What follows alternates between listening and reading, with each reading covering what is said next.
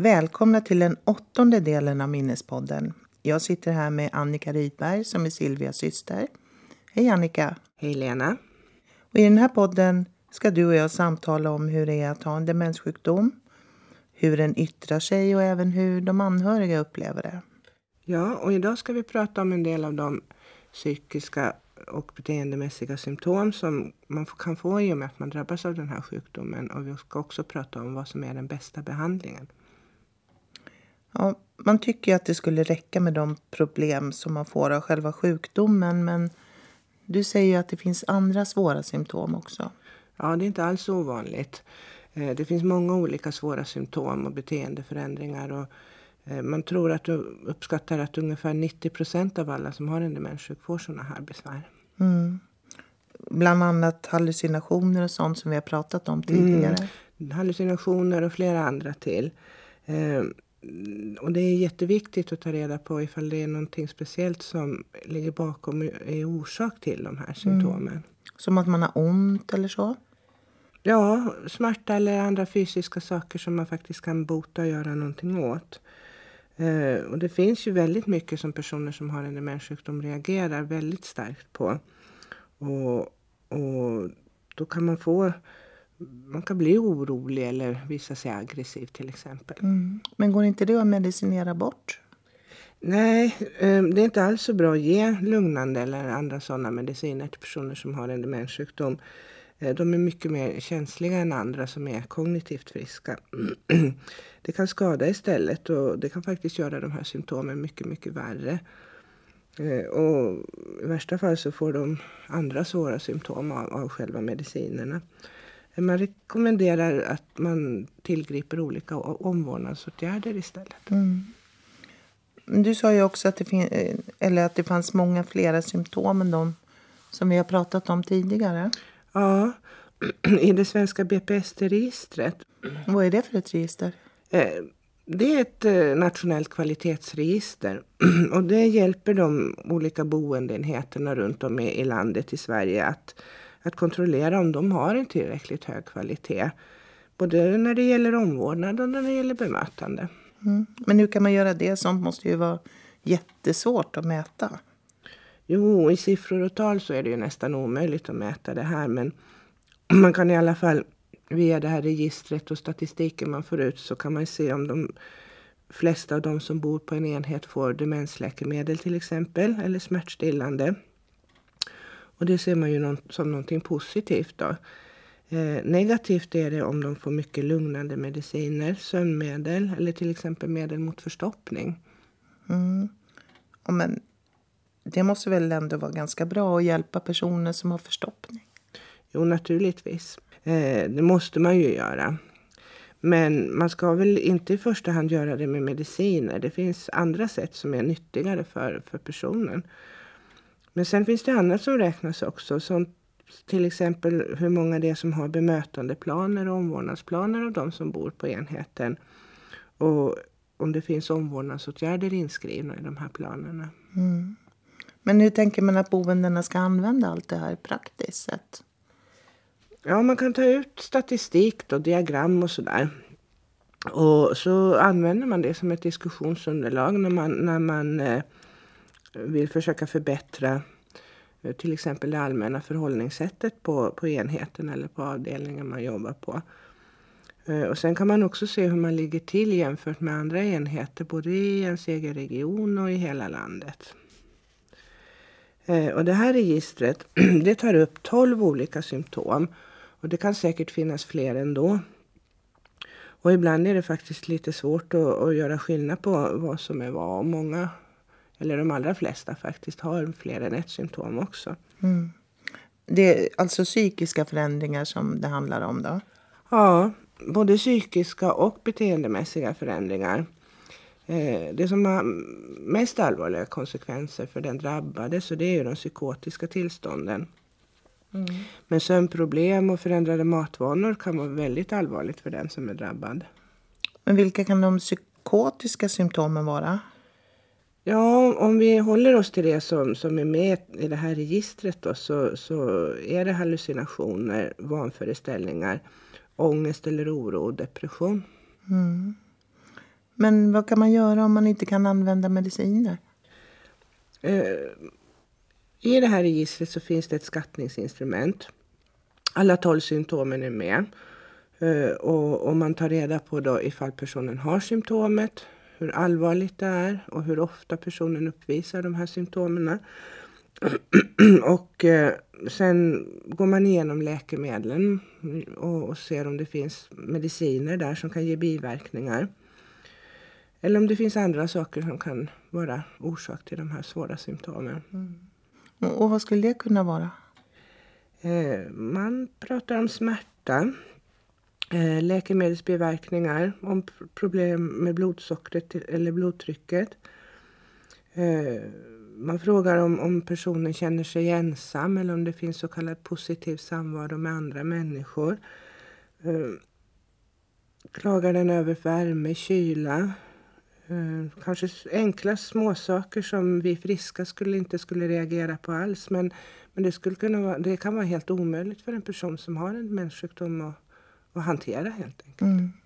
Och hur går man vidare då?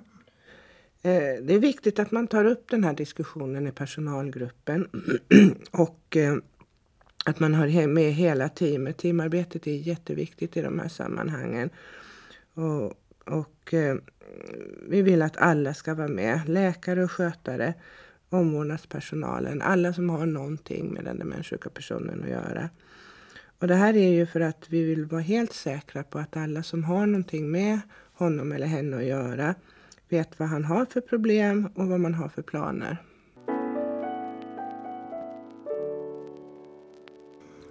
Skulle inte du kunna ge några exempel på just omvårdnadsåtgärder för de olika symptomen?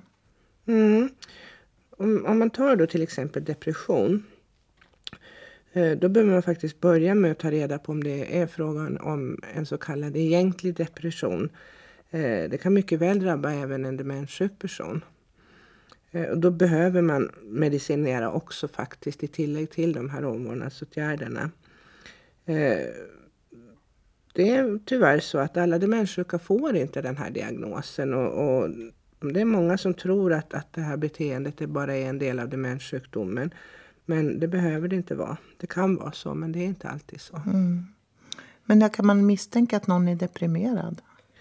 Man får titta efter olika saker som till exempel sämre aptit. Om man, någon sitter och verkar väldigt ledsen ofta.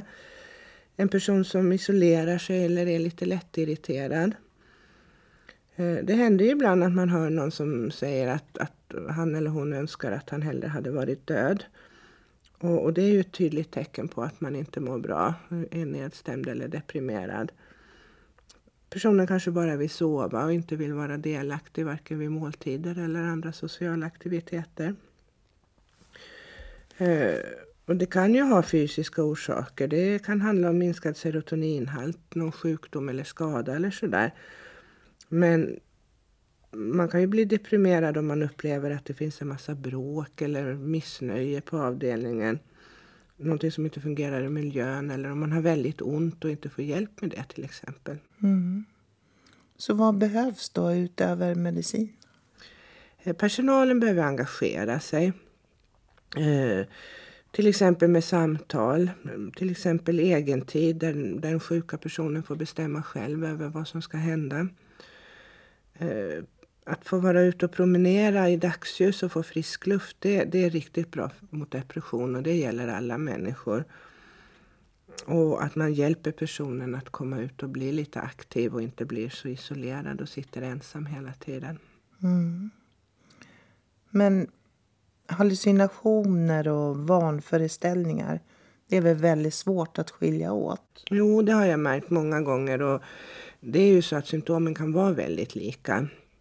Och eh, till exempel både misstänksamhet och rädsla får man se då när personer har något av, av de här symptomen.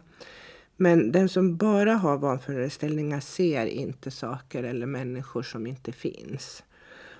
Eh, de här symptomen kan bero både på ångest och förvirring eller till exempel smärta igen. Då. Och vanföreställningen kan bero på sjukdomar eller någonting som man har upplevt tidigare. Eh, ofta är det miljön som ligger bakom. och att, att miljön är svårtydbar och att man inte uppfattar rätt det man ser helt enkelt. Och eh, problem med verklighetsuppfattningen är en vanlig orsak till både vanföreställningar och hallucinationer. Mm. Men det måste väl vara riktigt svårt att göra någonting åt det här? Jo, det är det verkligen. Och inte är det bra att ge vanliga mediciner heller som man använder mot just hallucinationer då. Ehm, det finns faktiskt en lång rad med förslag på vad man skulle kunna göra istället. Och det är verkligen viktigt att man prövar sig fram därför att det är inte säkert att det som hjälper på en person hjälper på en annan och det är inte säkert att samma metod hjälper varje gång heller. Mm. Har du några exempel på det? Ja, till exempel vanföreställningar då, så det skapar ju ofta misstänksamhet och den här misstänksamheten riktar sig i första hand mot andra människor då. Så att det är viktigt att man skapar tillit, att personen känner tillit till, till en själv som, som personal. Då. Och alla i personalen behöver också vara införstådda med att man ska ge samma svar på alla frågor. Eh, och är det så att man inte kommer någon vart och att personen inte vill lita på en, då måste man nog be en kollega om hjälp och, och ta hand om den som är drabbad. Eh, ser man att det är något speciellt som stör och kan vara orsak till de här problemen så då får man helt enkelt ta bort den. Till exempel speglar och sådär. Och det är viktigt att man tar den som är sjuk på allvar och bekräftar känslan, den obehagliga känslan av att ha det sådär. Mm. Men vad menas med det? Ja, men alltså att man uttrycker så här att jag förstår att det är jobbigt eller att det är skrämmande att uppleva det som den här personen säger att han upplever. Men man får ju inte eh, för den sakens skull bekräfta själva vanföreställningen. Eh, man behöver kunna jobba med avledning. Eh, och det gör man ju för att få den här personen att tänka på någonting annat. Eh, att man, att man kollar hur miljön ser ut, den fysiska miljön där, där personen vistas om han känner sig iakttagen eller sådär så kan det vara en idé att ta bort speglar och speglingar i fönstren till exempel. Mm. De här vanföreställningarna, kan de handla om annat än just människorna omkring den sjuka? Ja, det, det, kan det faktiskt göra. Det är inte alls ovanligt att man till exempel tror att maten är förgiftad och vägrar att äta. Eh, då kan man prova med att låta den som är drabbad att äta först. Eller att man lägger upp maten så att han ser vad man gör, att man inte gör något konstigt med maten. Och att man äter tillsammans med personen, att man äter samma mat som han äter då förstås. Eh, sen en annan sak som, som är ganska vanligt, eh, det är att man tror att händelser som sker i tidningar eller tv är verkliga och händer en själv just nu. Och framförallt att man återupplever skrämmande saker från förr i tiden, till exempel krig och sådär. Eh, det är en väldigt vanlig form av vanföreställningar. Och ibland måste man faktiskt begränsa lite grann vad, vad den som är sjuk får lov att se på tv och läsa om i tidningarna. Mm. Använder man samma bemötande strategier till de som har hallucinationer? Ja, de är nog delvis likadana. Eh, man bekräftar känslan och man får acceptera att det finns en hallucination. Att man, att man eh, försöker avleda i första hand är en viktig del av bemötandet. Eh, sen får man ju se efter hur det ser ut. Där den sjuka vistas så är det någonting i, i miljön där då som kan orsaka de här problemen. Som speglar här med kanske? Mm, speglar och speglingar i fönstren är absolut en, en, en vanlig orsak. Eh, gardiner och dukar, vad det är för färger och mönster på, på dem som kan misstolkas så man tror att det är någonting annat. Eller porslin som är mönstrat med små, små pyttemönster så man tror att det är små djur som kryper omkring på tallriken. Inte alls ovanligt. Eh, man behöver också lära sig att bemöta själva hallucinationen. Och det kan man ju nog göra på lite olika sätt. Först och främst så behöver man ju tänka på ifall det kanske inte är någon skrämmande eller otäck hallucination den, den sjuka personen har. Eh, det finns faktiskt positiva hallucinationer de kan man bara acceptera. Eh, men när det gäller sånt som är, känns otäckt och så, då kan man behöva spela med för att, för att reda upp situationen. Alltså det behövs ju väldigt mycket fantasi för att klara av sådana här situationer. Ja, absolut, fantasi och inlevelseförmåga är jätteviktigt. Annars får man försöka ta med sig hallucinationer när man går. Man får ge en synlig hjälp för att få bort det som upplevs som obehagligt. Mm. Jag vet ju att du har nämnt det förut, men du kan väl förklara igen hur man gör det? Ja, ja, som, ja till exempel då den där gången när det var en boende som kom till mig och, och sa att hon hade en säl i sitt badkar.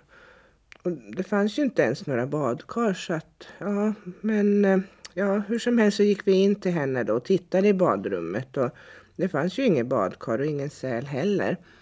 Och sen gick vi till alla de andra rummen också utan att hitta någonting. Och hon blev nöjd i och med det. Oron släppte då när hon faktiskt fick hjälp att se att det inte fanns varken det ena eller det andra. Eller om det är någon som, som blir rädd för att det står någon nere vid porten och lurar, då kan man eh, gå ner och, och, titta eller i alla fall gå ut ur, ur rummet och, och låtsas gå ner och titta kan man göra också. När man kommer tillbaka så säger man att vem det nu än var som stod där så, så har han eller hon gått nu. Och det behövs kanske inte så himla mycket mer än det ibland. Mm. Men jag har hört att vissa hittar ju på någon, någon, bara hittar på någon sorts förklaring eller säger att de bara inbillar sig. Men är det verkligen bra att göra så? Nej, jag tycker inte det. Eh, jag tycker man ska vara lite försiktig med direkta osanningar. Ibland så kan det faktiskt finnas delar av närminnet kvar. Eh, och, och då kan det skapa mer oro och ilska istället för lugn. Och, och, det viktiga är ju att man aldrig någonsin ifrågasätter eller förnekar det som den drabbade säger att han ser eller upplever.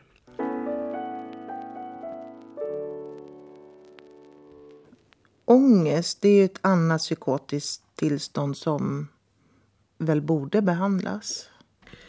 Ja, det är klart att man måste behandla ångest på ett vis eller ett annat. Eh, och eh, ångest kan man ju, att en person har ångest kan man ju faktiskt se då om man upplever att han eller hon är lite plockig eller vandrar omkring orolig sådär eller ledsen och rädd. Eller tvärtom så kan det ju vara så att han verkar irriterad eller lite aggressiv. Och då är det viktigt att man försöker göra någonting för att hjälpa den här personen. Mm.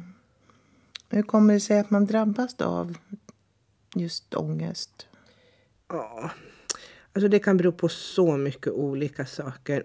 När det gäller demenssjuka så att enkla saker, förstoppningssmärta, hunger, törst, eller också för att man har hamnat på en, i en ny miljö eller att miljön man vistas i är dåligt anpassad. Också ett dåligt bemötande kan faktiskt ge ångestsymptom. Mm.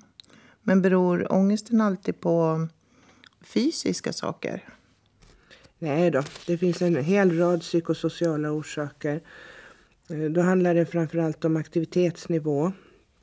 Och, och, det är viktigt att tänka att både för mycket och för lite aktiviteter är skadligt.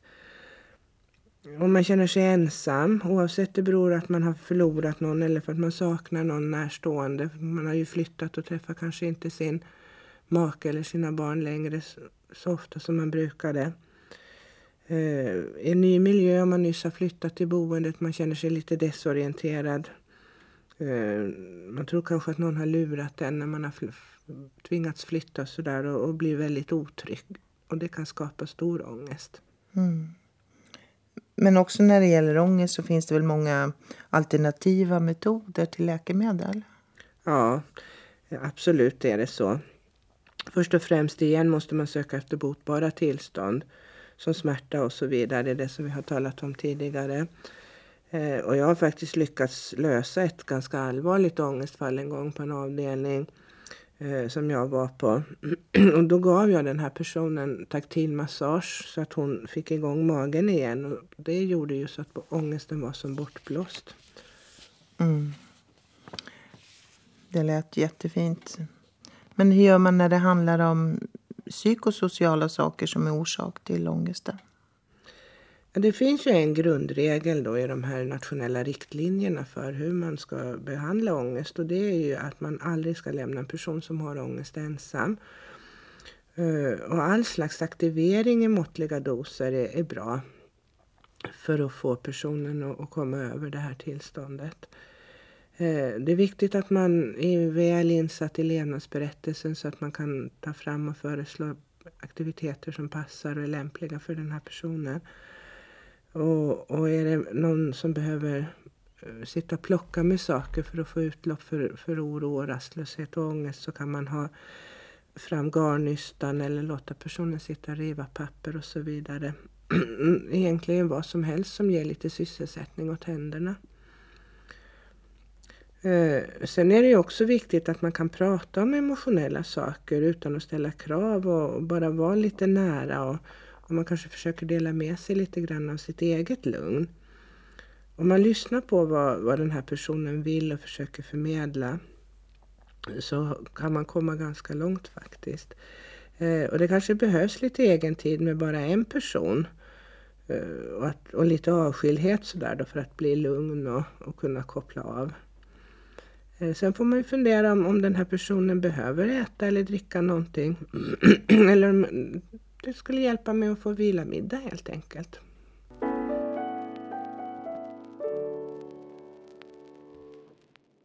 Ja, det var allt vi hann med den här gången. Och om två veckor så pratar vi vidare och då tar vi upp beteendeförändringarna som är vanliga vid demenssjukdom. Mm, tack för den här gången Annika. Vi ser fram emot att få återkomma med fler frågor och svar. Och är det så att du som lyssnar har några egna frågor så är du välkommen att skicka dem till minnespodden at alandsradio.ax. Eller ring mig på telefon 0457 345 5585 eller skicka ett PM via min Facebook-sida. Hej då!